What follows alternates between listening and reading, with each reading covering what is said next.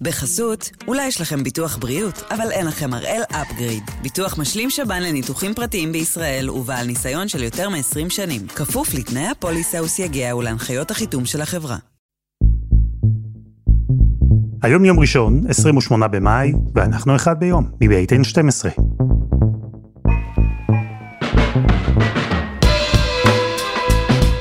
אני אלעד שמחה יופי, אנחנו כאן כדי להבין טוב יותר מה קורה סביבנו, סיפור אחד ביום, בכל יום.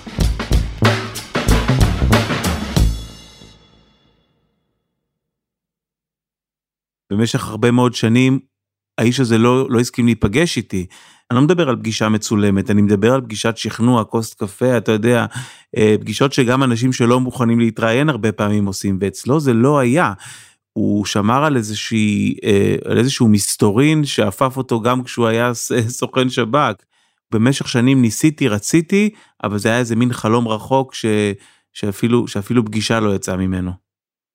עמרי אסנהיים, כתב עובדה, הוא בן אדם עיקש. אז במשך עשור, כל כמה זמן, היה מרים טלפון, מציע קפה, שיחה קצרה, כל דבר. וכל פעם היה שומע, לא. זה היה חיזור מאוד מתסכל. עשור. וממש לאחרונה, אחרי מי יודע כמה סירובים, האיש מהצד השני של הטלפון אמר לעומרי, אוקיי, בוא נשב. ברגע ש... שהוא נפגש אז אתה כבר מבין שיש איזה סדק שדרכו אולי אפשר להיכנס ובפגישה הזאת בעצם uh, בהתחלה הוא דיבר על ספר על רצון לכתוב לכתוב ספר. טלוויזיה זה דבר שבאמת מביא אותו ל- להיות חשוף ל- לכל מכונות הרעל למיניהם מימין ומשמאל זה לא משנה כרגע ולכן הוא דיבר על ספר. אני רוצה שאני אעזור לו לכתוב ספר ומהר מאוד uh, אני הבנתי שהסיפור שלו הוא סיפור שאני רוצה לעשות בעובדה שהוא סיפור טלוויזיוני והיה לו אני חושב, היה לי הרגשה שלפעמים הוא לא מבין ש, ש, שאנחנו הולכים ל, לכתבת טלוויזיה כזאת. אה, אני חושב שביום הראשון, צילום הראשון הוא כבר הבין, אה, ואולי עוד לפני זה, כי ליום הצילום לפני כן הוא פשוט הבריז. ברגע האחרון הוא לא הגיע. בסוף, אה, זוכר, חיכיתי לו מחוץ לבית ששכרנו כדי לעשות את הצילומים, חיכיתי על המדרכה, וקבענו ב-12 וחצי נדמה לי, ב-12.35, אמרתי לעצמי, אם עד 12.38 הוא לא מגיע אז אני מתקשר, כי הוא הנה עוד הברזה הגיע, אבל בככה משהו כמו שתי דקות אחר כך הוא פתאום הפציע מתחילת הרחוב, אז כן, אז זה קרה. 28 שנים הוא לא דיבר, לא ישב ככה, לא חשף את עצמו ואת הסיפור שלו, לא פירט את החלק שלו באחד האירועים החשובים והטראומטיים בתולדות המדינה. אז השאלה הראשונה, המתבקשת ביותר של עמרי, אבל בעצם של כל אחד אחר, היא למה עכשיו? אז זהו, תראה, את השאלה הזאת באמת שאלתי אחרי השיחות המקדימות שלנו, וכבר אז הבנתי שאם יש טריגר לרצון שלו לדבר, זה העובדה שהוא בעצם אבישי רביב רצה שקט, הוא רצה להיות במחתרת, הוא רצה לחיות את חייו הלכאורה שקטים. למה אני אומר לכאורה? כי כפי שאפשר לראות מהראיון, שקט אין בהם. זה, אלה לא חיים שקטים. והוא הבין, ואני חושב ביתר שאת, ברגע שהממשלה הזאת אה, נבחרה, שבה הוא רואה את איתמר בן גביר שהיה, שהיה, אם אתה רוצה, שוליה שלו בחברון, ואת בצלאל סמוטריץ' שמהדהד את תיאוריות הקונספירציה שקשורות בשמו, אז הוא הבין שכדי להשיג שקט, הוא בעצם יהיה חייב לספר את סיפורו, ממש ככה. הפעם אנחנו עם שם קוד שמפניה. הסיפור של סוכן השב"כ ופעיל הימין הקיצוני לשעבר אבישי רביב, אחת מדמויות המפתח בחקירת רצח ראש הממשלה יצחק רבין, זכרו לברכה, אחרי הסרט המיוחד שהכין עמרי אסנהיים לתוכנית עובדה.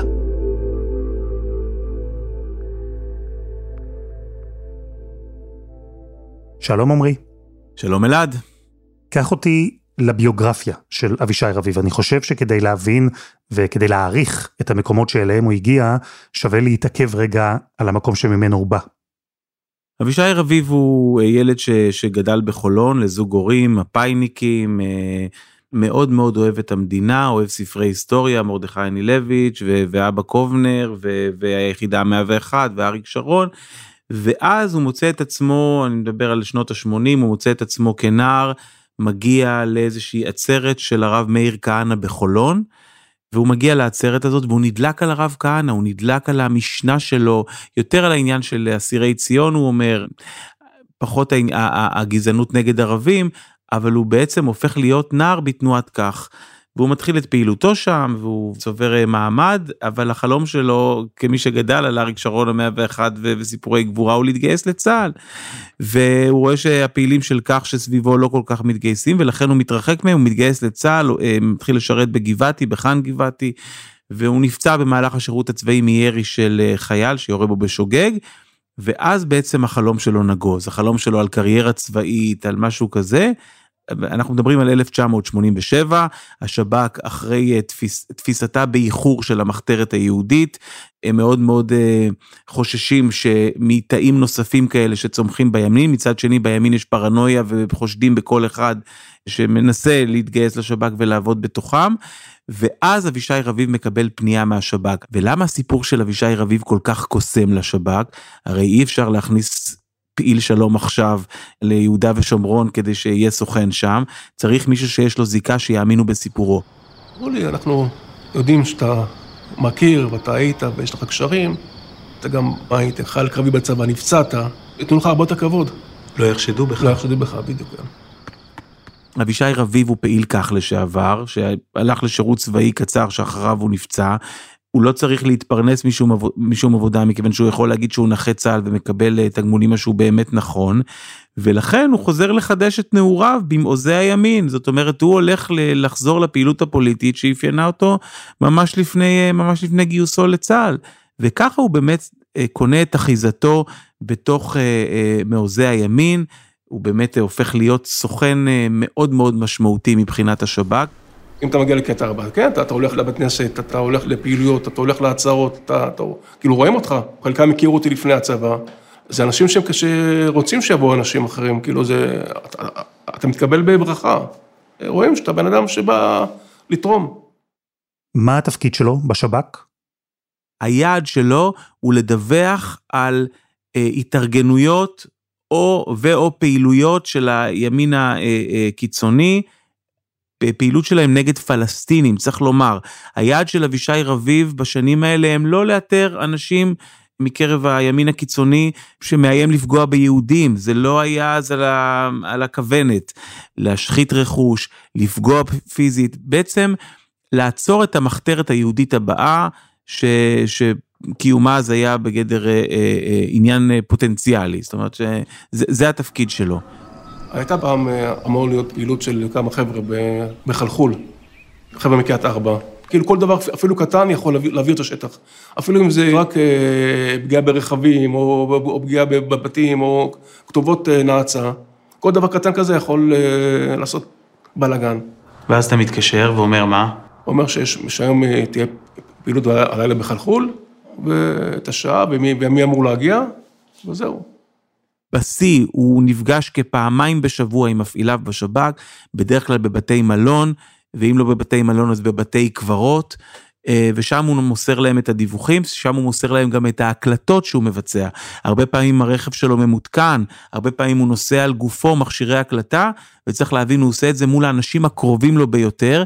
כשאני אומר הקרובים לו ביותר, אני מתכוון גם במובן הפיזי, אלה ממש החברים שלו, אלה האנשים שאיתם הוא גר, אבל צריך להבין אלעד, וזאת נקודה חשובה, הם קרובים אליו גם במובן האידיאולוגי. זאת אומרת, אבישי רביב לא משתחרר מדעותיו הימניות קיצוניות כשהוא הופך להיות סוכן שב"כ. הגבול פה הוא מאוד דק. כאילו הייתי ימני והאמנתי בארץ ישראל, לעם ישראל. זה קונפליקט כאילו יומיומי בין הדעות שלך לבין הדברים שאתה צריך לדווח. אבל תמיד כאילו, הנאמנות שלי הייתה, הייתה לשב"כ קודם כל. אז הוא חי כל הזמן באיזה מין סתירה פנימית כזאת בין האידיאולוגיה לבין העבודה שלו, לבין החברים שלו, לבין הבדידות הגדולה אה, ש, ש, שאיתה הוא חי, וזה כל הזמן המשחק הזה שקורה, אבל הוא ראה בקריירה בשב"כ את השאיפה האולטימטיבית המקצועית שלו, זה אחד, והדבר השני שמונע ממנו לעזוב, זה המציאות. ומה שקורה בשטחים, וזה מתחיל בטבח של אה, ברוך גולדשטיין במערת המכפלה, שבעצם מקפיץ את כל, ה, את כל אה, נורות האזהרה בשב"כ ואז מיד אחרי הטבח הזה הוא גם עובר אבישי רביב לגור בקריית ארבע שזה שינוי מאוד מאוד משמעותי והדבר השני זה הסכמי אוסלו אה, שכמובן מביאים לסערה גדולה למדינת ישראל בוערת והוא אחד האנשים היחידים שיכול להסביר מה קורה בתוך הימין הקיצוני. הוא נחשב סוכן טוב? הוא נחשב לסוכן מצוין, אם כי הוא נחשב לסוכן שלפעמים הוא בעייתי במובן הזה שקשה לשלוט בו. הוא עושה כל מיני דברים uh, בשטח שלפעמים השב"כ מגלה עליהם uh, בדיעבד, לפעמים הוא אוסר עליו לעשות אותם והוא עושה אותם, עם כל מיני מקרים שבהם הוא חוצה את הגבול. נפתחים לו שמונה תיקים פליליים בזמן הזה שהוא סוכן שב"כ, צריך לומר, תיקים פליליים שהם לא, לא גנבת רכבים, הם uh, תיקים פליליים במובן הלאומני. אה, הוא תוקף את אה, חברת הכנסת תמר גוז'נסקי פעם אחת ועוד כל מיני דברים אה, אחרים, התפרע באוניברסיטת בר אילן, כל מיני עניינים כאלה. שבעה מתוך שמונת התיקים האלה, השב"כ, בעזרת פרקליטות המדינה, שהיא שותפת סוד, כמובן דואג לסגור לו. אבל בהחלט מדובר בסוכן טוב, סוכן שמעביר ידיעות חשובות ומסקלות. ואת יגאל עמיר אבישי רביב פגש לגמרי במקרה, נכון? ממש הוא רוצה לנשום קצת אוויר, זה מה שהוא רוצה לעשות, הוא רוצה לנשום אוויר והוא רוצה לעשות איזושהי השלמת תואר באוניברסיטה. והוא uh, הולך לאוניברסיטת בר אילן, ובאוניברסיטת בר אילן הוא פוגש כל מיני אנשים. אחד מהם הוא יגאל עמיר, אחת נוספת היא מרגלית הר-שפי, שגם שמה יעלה בפרשה הזאת. יגאל עמיר הוא סטודנט למשפטים, צעיר בין, uh, בשנות ה-20 לחייו, חובש כיפה שחורה מהרצליה, ממוצא תימני. אדם ש, שהוא באמת רחוק מהאנשים שאיתם מסתובב אבישי רביב בקריית ארבע, או במקומות אחרים בשטחים. למה שונה? כי אבישי רביב הוא לכאורה פעיל כך, ויגאל עמיר הוא הרבה יותר מתון מפעילי כך שאיתם אבישי רב, אה, אה, רביב מסתובב. יגאל עמיר הוא מה שנקרא, נשמע מטורף להגיד את זה היום, אבל הוא מיינסטרים. הוא אדם שמזלזל בפעילי כך, באלימות שלהם, בכך שהם מדברים ולא, ולא צועקים ולא עושים. וזה מבחינת אה, אה, אבישי רביב, אם היינו אומרים שהשב"כ זה המיליה שאליו הוא הכי רוצה להיות שייך, והאנשים שבתוכם הוא פועל זה אנשים שהוא טיפה מסתייג מהם, יגאל עמיר הוא אדם שהוא מוצא איתו שפה משותפת. כי הוא לא קיצוני כמו, כמו, כמו, אה, כמו אנשים שב, שנמצאים בקריית ארבע, מצד שני אה, יש להם על מה לדבר והם מארגנים ביחד כמובן את שבתות האירוח, אותם שבתות שבהם אה, צעירים דתיים, אפשר להגיד גם ימנים, הולכים לכל מיני התנחלויות, שומעים הרצאות, אבל גם המפגשים האלה עוזרים להם להכיר את בני המין השני, בנים בנות ובנות בנים כמובן.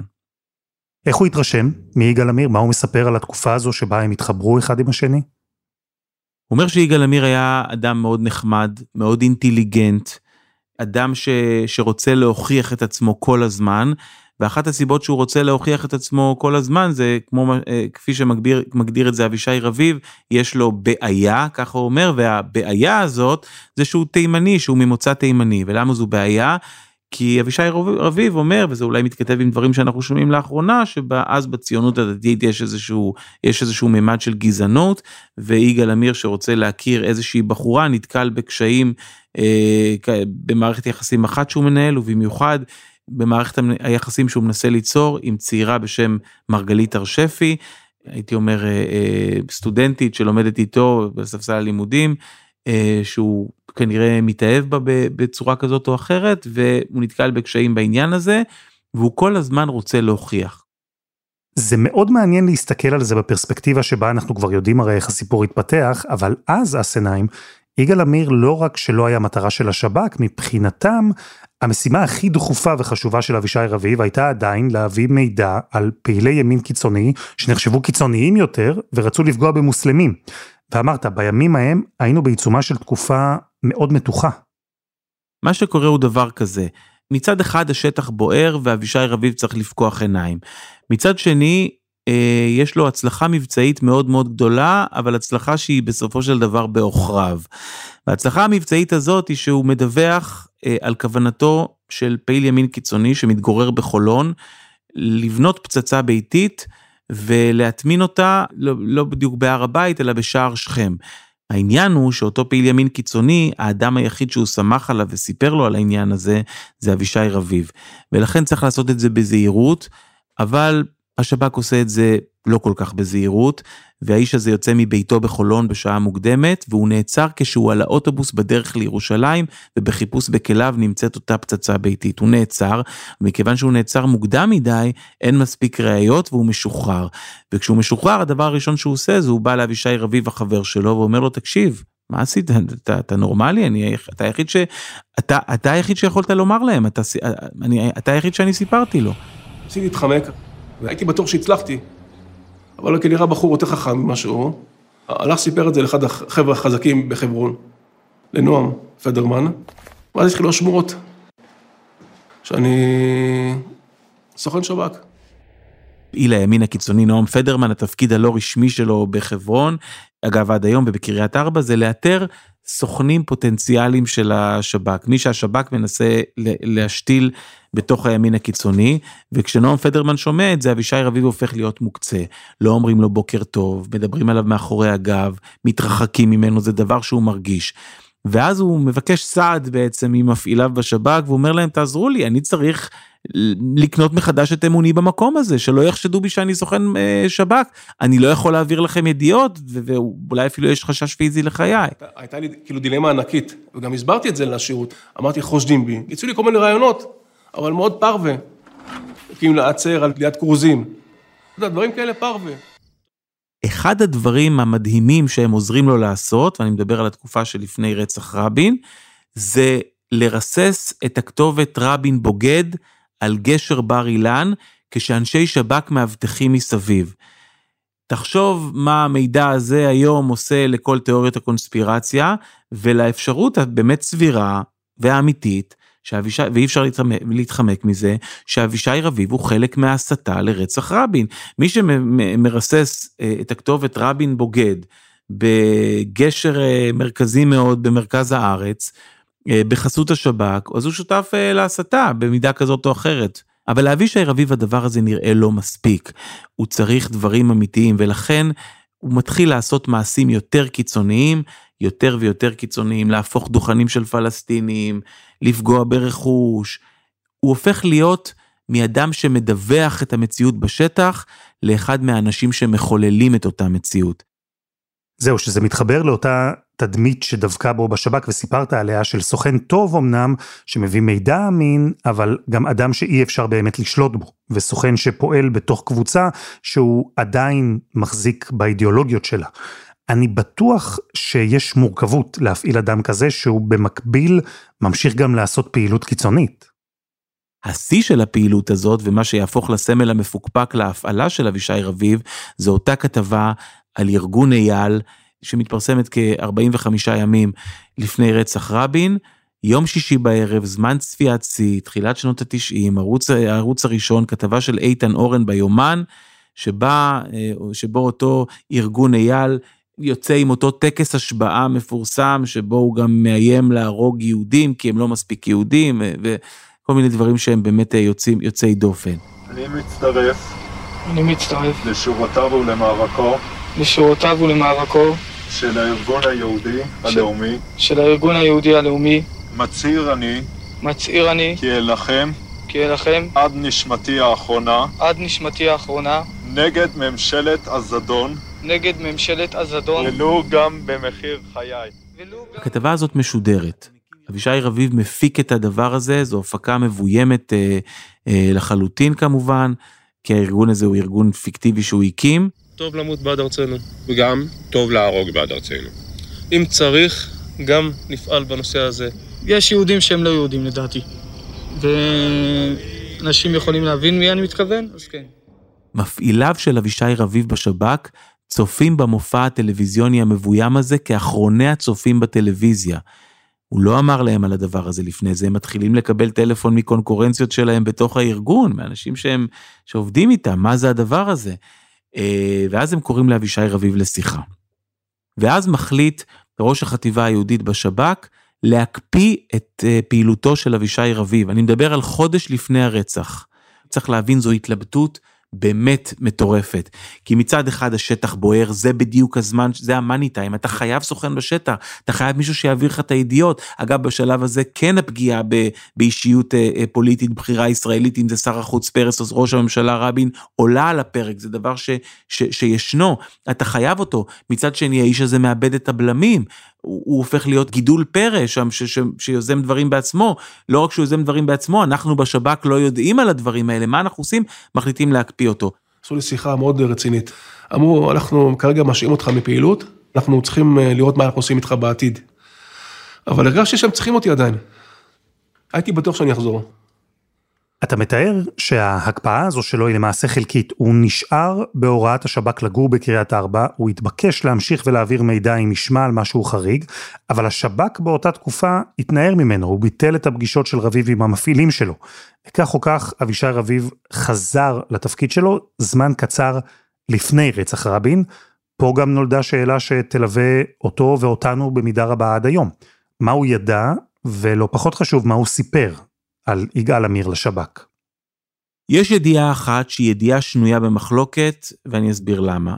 אבישי רביב מספר לנו בריאיון שבאחת הפעילויות המשותפות שלו, שלהם בעיר העתיקה, באזור העיר העתיקה, ליד האוריינט האוז, אה, הם הולכים ואז הוא רואה את יגאל עמיר מצמיד אקדח לראשו של פלסטיני, שכנראה הקנית אותם, או שכנראה אמר איזה מילה בו לא במקום, או סתם לא בא טוב ליגאל עמיר בעין, לא יודע מה קרה, אבל הוא מצמיד לו אקדח לראש.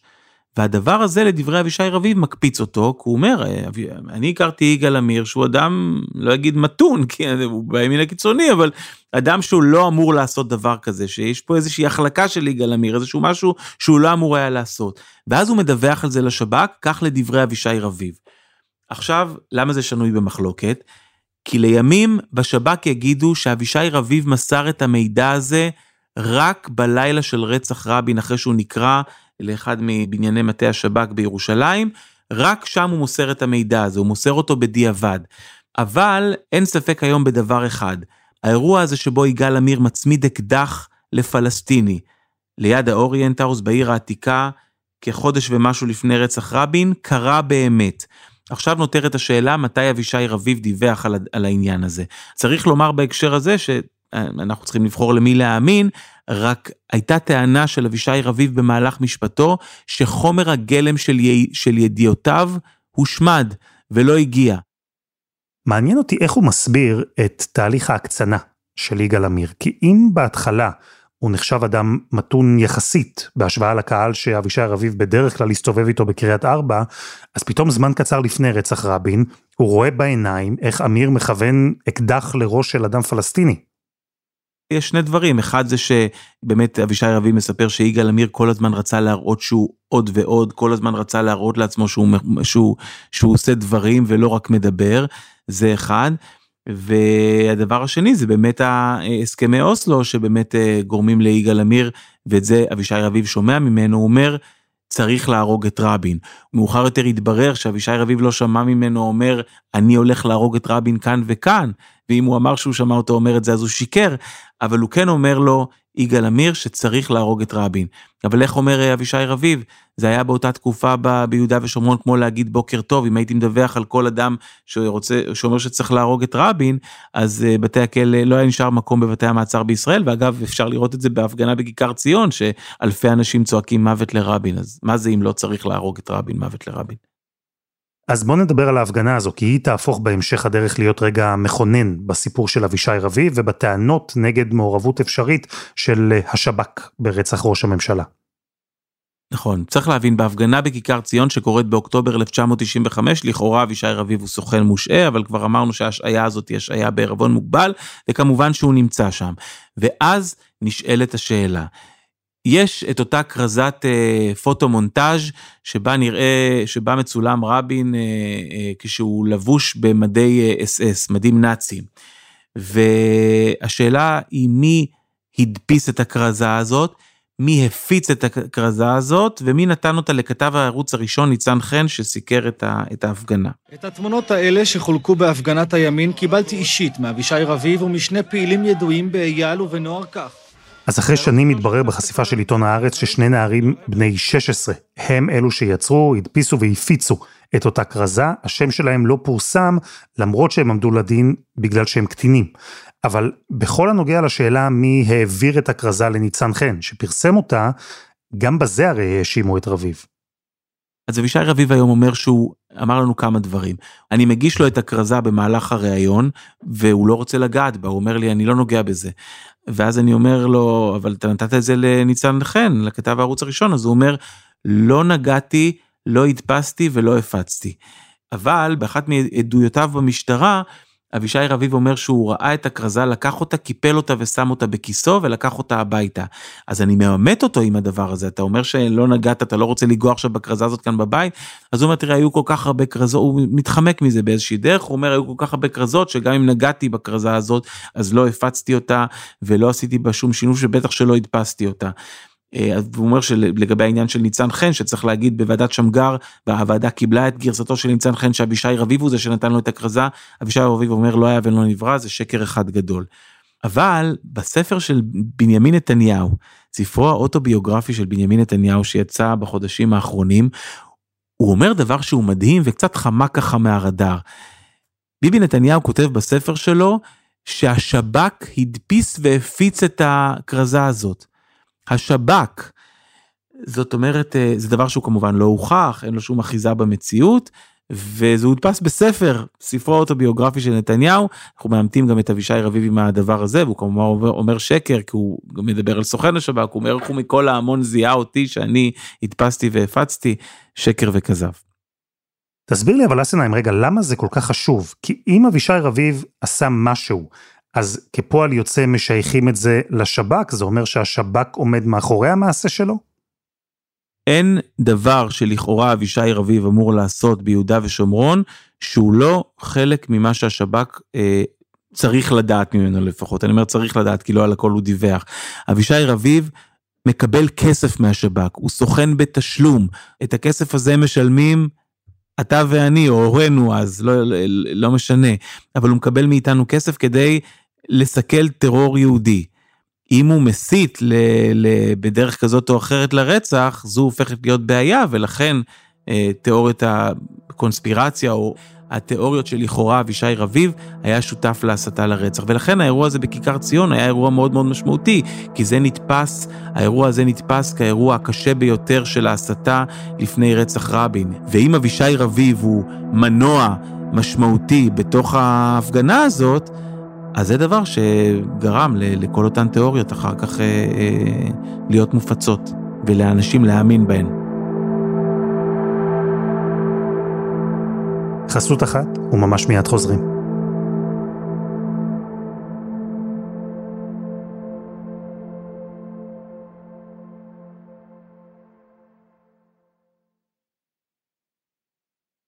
בחסות, אולי יש לכם ביטוח בריאות, אבל אין לכם הראל אפגריד. ביטוח משלים שב"ן לניתוחים פרטיים בישראל ובעל ניסיון של יותר מ-20 שנים. כפוף לתנאי הפוליסה וסייגיה ולהנחיות החיתום של החברה. אנחנו עם הסיפור של אבישי רביב, סוכן השב"כ לשעבר, שם קוד שמפניה, שדיבר איתך עמרי אסנאים בתוכנית עובדה על החלק שלו ועל ההיכרות שלו עם הדמויות המרכזיות סביב רצח ראש הממשלה יצחק רבין. איפה רביב היה ב-4 בנובמבר 95? איך הוא שמע על הרצח? תראה, חמישה ימים לפני רצח רבין, נפגשים יגאל עמיר ואבישי רביב בפעם האחרונה. זה קורה במסיבת יום הולדת של אה, ידידה משותפת שלהם, ושם הם קובעים ביחד להיפגש במוצאי שבת בהפגנת הנגד שמארגן הימין ברחוב דוד המלך, סמוך לכיכר אה, מלכי ישראל, שכך זה, כך היא נקראה אז. הם קובעים להיפגש, אבישי רביב מבלה את השבת בחיפה עם חברים ומגיע מחיפה להפגנה. יגאל עמיר לא נמצא שם. את היריות הם לא שומעים, מבינים שירו ברבין, אבל יש המולה גדולה וגם יש כמה עשרות מטרים שמפרידים, הוא טוען שהוא לא שמע את היריות, אבל הוא מקבל טלפון ממרגלית הרשפי, שאומרת לו, ראו עכשיו בחדשות את יגאל עמיר, הוא האיש שירה ברבין. הטלפון מהמפעיל שלו זה רק עניין של דקות, הוא מקבל את הטלפון אה, מהמפעיל והוא נקרא בדחיפות לעלות לירושלים, שם הוא פוגש במפעילה ובעוד כל מיני קודקודים מהשב"כ שמתחילים לשאול אותו שאלות לא פשוטות. מה ידעת, אם ידעת למה לא דיווחת, יש טון מאשים בתחילת הפגישה הזאת, אבל ככל שהפגישה הזאת מתמשכת, מתברר להם שהוא לא ידע על הכוונות האמיתיות של יגאל עמיר, לפחות בשלב הזה כך מתברר להם, ואז עולה אצלם הרעיון שאבישי רביב יכול לעזור להם.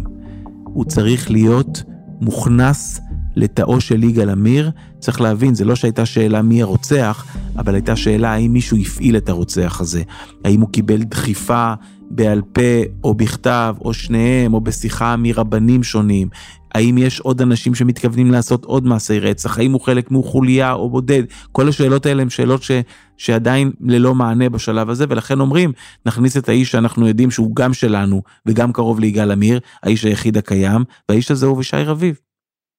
רגע, תסביר באיזה תואנה הוא נכנס לתא של יגאל עמיר, איך הדבר הזה קרה? בלילה שבין השישה בשבעה בנובמבר, אה, שזה יומיים אחרי הרצח, מביימים מעצר מתחת לבית הוריו של אבישי רביב בחולון, והוא נכנס אה, לתאו של יגאל עמיר.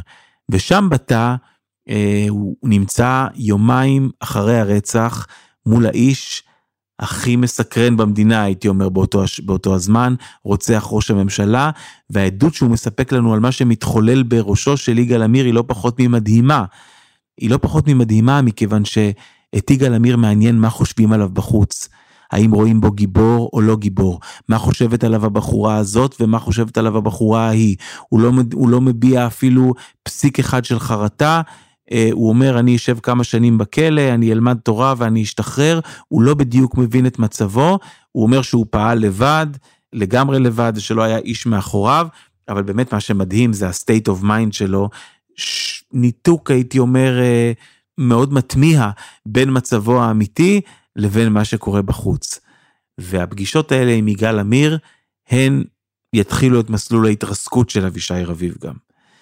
מכיוון שבאחת השיחות של אבישי רביב עם יגאל עמיר, שומעים אנשי השב"כ שמאזינים לכל מילה בחקירה הזאת, דבר שמעלה את חשדם, שאבישי רביב ידע יותר ממה שהוא מספר על הכוונות של יגאל עמיר לרצוח את ראש הממשלה. וכשהוא יוצא ממשימת הדיבוב הוא בעצם נלקח לחקירה, הוא לא מבין שמדובר בחקירה באזהרה, מבחינתו הוא יושב עם השב"כניקים שהם המיליה שלו, ועכשיו אתה צריך להבין את ה... להיכנס ל, ל, לתפיסה של אבישי רביב את המציאות באותו הזמן. אבישי רביב מתפיסתו את המציאות באותו הזמן נכשל. הוא בעצם סוכן שאמור היה להביא מידע על יגאל עמיר ולא הביא את המידע הזה. והשב"כ אני מזכיר לך הוא מקום העבודה שלו ומקור הפרנסה שלו והחלום המקצועי שלו. ואם הוא ייתפס כסוכן שנכשל הדבר הזה עלול להביא לפיטוריו. ואז בעצם בשיחות האלה עם אנשי השב"כ, הוא מתהדר בפניהם על כל מיני הזדמנויות שבהם הוא לכאורה ידע במפורש על כוונותיו של יגאל עמיר. מה יגאל עמיר הולך לבצע, הוא מדבר למשל על אירוע ביד ושם, שיגאל עמיר אה, חשב בו לרצוח את ראש הממשלה, כי ראש הממשלה היה אמור להגיע לשם והוא ידע על כך והוא סיפר על כך לאבישי רביב. אז אני אומר, אבישי רביב עומד בין שתי אופציות. הוא, האופציה הראשונה היא להיות אה, סוכן טוב, שידע, אבל פשוט לא דיווח את זה מסיבה כלשהי, לבין סוכן גרוע שבכלל לא ידע, היה חבר של יגאל עמיר ולא ידע על כוונותיו. הוא בוחר באופציה, הוא עסוק באופציה של להיות סוכן טוב בשלב הזה, והדבר הזה, אתה יודע, הוא מכניס אותו לצינוק לשבוע. מכניס אותו לצינוק, הוא הופך להיות לחשוד במעורבות, באמת לחשוד במעורבות ברצח אה, ראש הממשלה, והפעם זה לא מעצר אה, מדומה, זה מעצר אמיתי. ככל שמתקדמת החקירה, אני חושב שהחוקרים שלו מבינים שהוא אה, התהדר והם מחליטים לעשות לו בדיקת פוליגרף.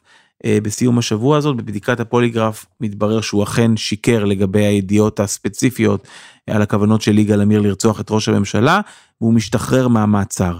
הוא משתחרר מהמעצר לא לפני שמפעיליו אומרים לו, חביבי, אתה כבר לא סוכן שב"כ מעכשיו אתה מפוטר. זה לא שהם מנתקים איתו קשר, המשיכו להיות איתו בקשר, אה, הייתי אומר, מסיבות הומניות, שזה ייאמר לזכותו של השב"כ, אבל הם מפטרים אותו. ובעצם הוא חוזר לדירת הוריו אה, בחולון, בלי מקצוע, אה, בלי חלום, בלי עתיד אם תרצה. ואז בעצם מתחיל לעלות החשד שאבישי רביב הוא סוכן שב"כ. החשד הזה מתחיל לעלות בימים שאחרי שחרורו, הוא מתחיל לעלות כי באחד מהמקרים אבישי רביב מושאר לבד עם אותה מרגלית ארשפי. שני אנשים דתיים מושארים בחדר לבד לאיזה מין משימת דיבוב. בחוץ שומעים את זה, מי ששומע את זה בין השאר הוא בני אלון. בני אלון אז ממנהיגי הציונות הדתית, וגם, ולא פחות חשוב, הדוד של מרגלית ארשפי. וכשבני אלון שומע את זה, זה מצטרף לחשד שכבר כל הזמן היה סביבו של אבישי רביב עוד קודם, אז הוא עולה לרדיו, והוא אומר שאבישי רביב הוא בעצם חפרפרת. ואבישי רביב מכחיש את הדבר הזה, מכחיש גם פומבית, ואז בליל שישי, ביומן, בערוץ הראשון, עולה לשידור אמנון אברמוביץ'. ואני אפילו בהזדמנות זאת יכול לגלות ששם הקוד של אבישי רביב בשב... בשב"כ היה שמפניה. וכאן נשאלת השאלה, מדוע אותו סוכן המכונה שמפניה לא דיווח על ניסיונותיו של יגאל עמיר לרצוח את רבין?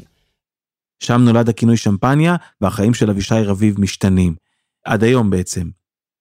כי בעצם בשלב הזה כל אותן תיאוריות, בהן גם תיאוריות קונספירציה, יצאו לאור, נכון? כלומר, הטענה שאבישי רביב ידע ולא דיווח, או דיווח והשב"כ לא פעל, ובכלל, עד כמה הוא היה מעורב, עד כמה השב"כ היה מעורב ברצח רבין, כולם דיברו רק על זה.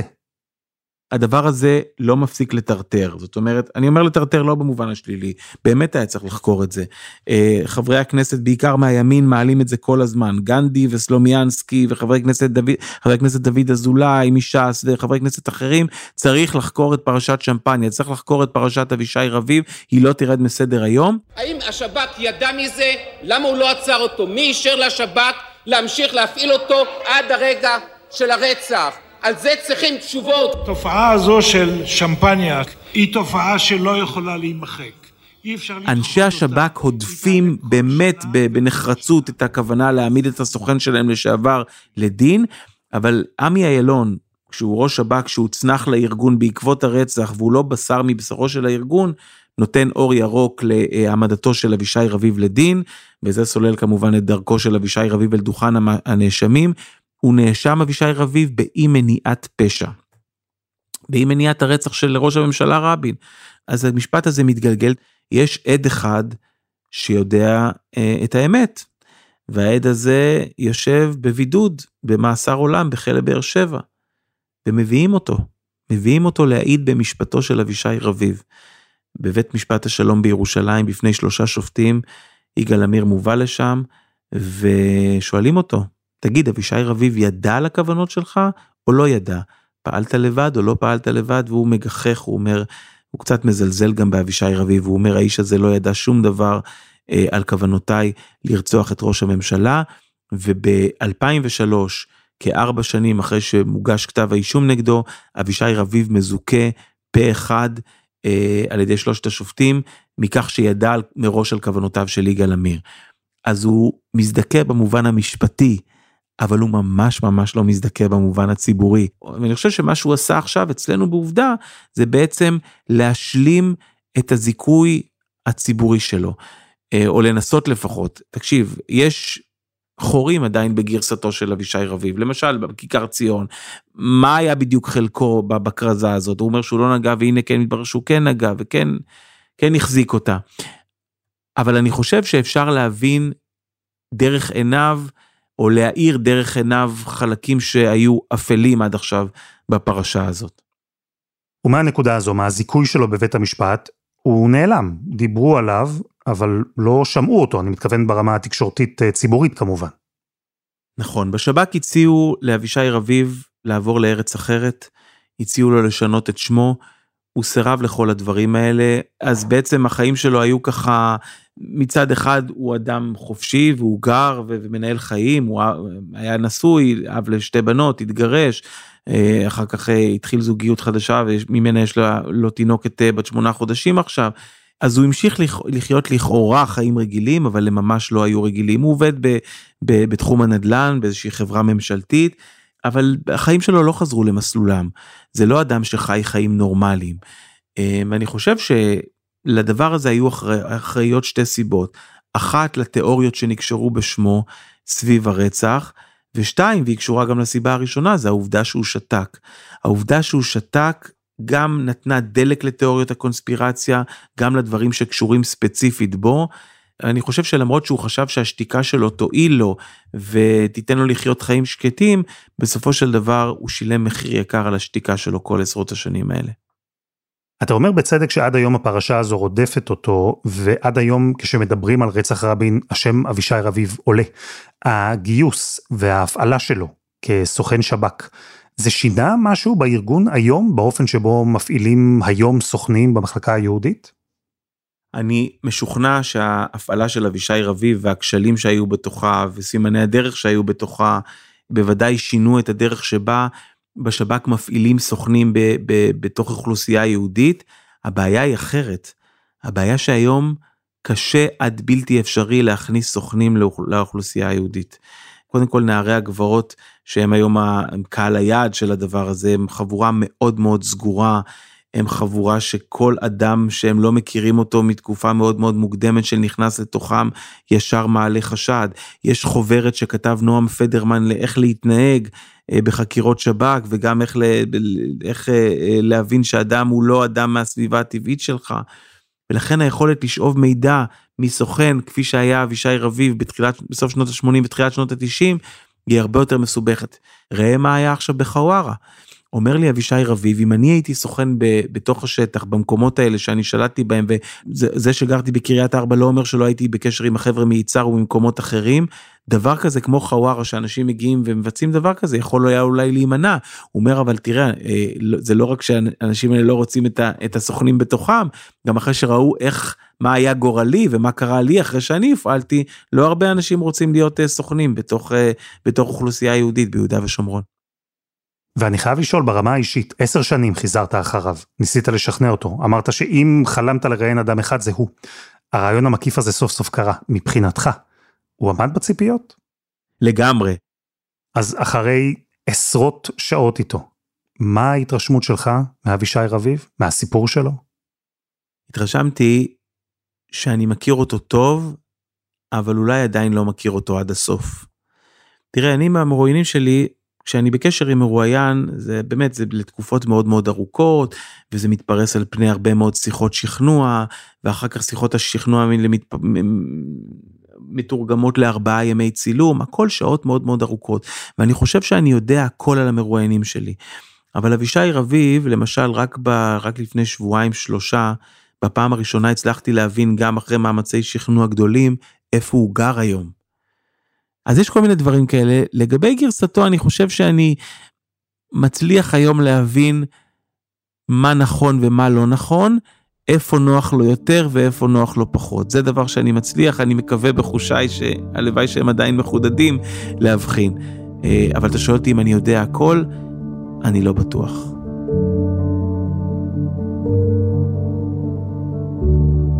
עמרי אסנהיים, תודה. אלעד, תודה רבה רבה לך.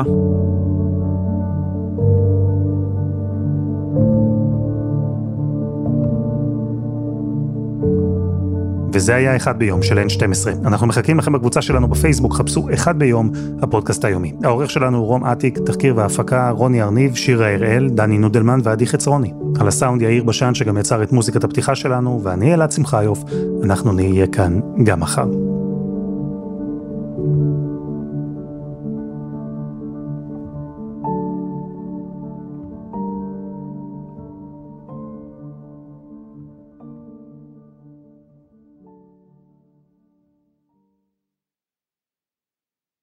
בחסות, אולי יש לכם ביטוח בריאות, אבל אין לכם הראל אפגריד. ביטוח משלים שב"ן לניתוחים פרטיים בישראל ובעל ניסיון של יותר מ-20 שנים. כפוף לתנאי הפוליסה וסייגיה ולהנחיות החיתום של החברה.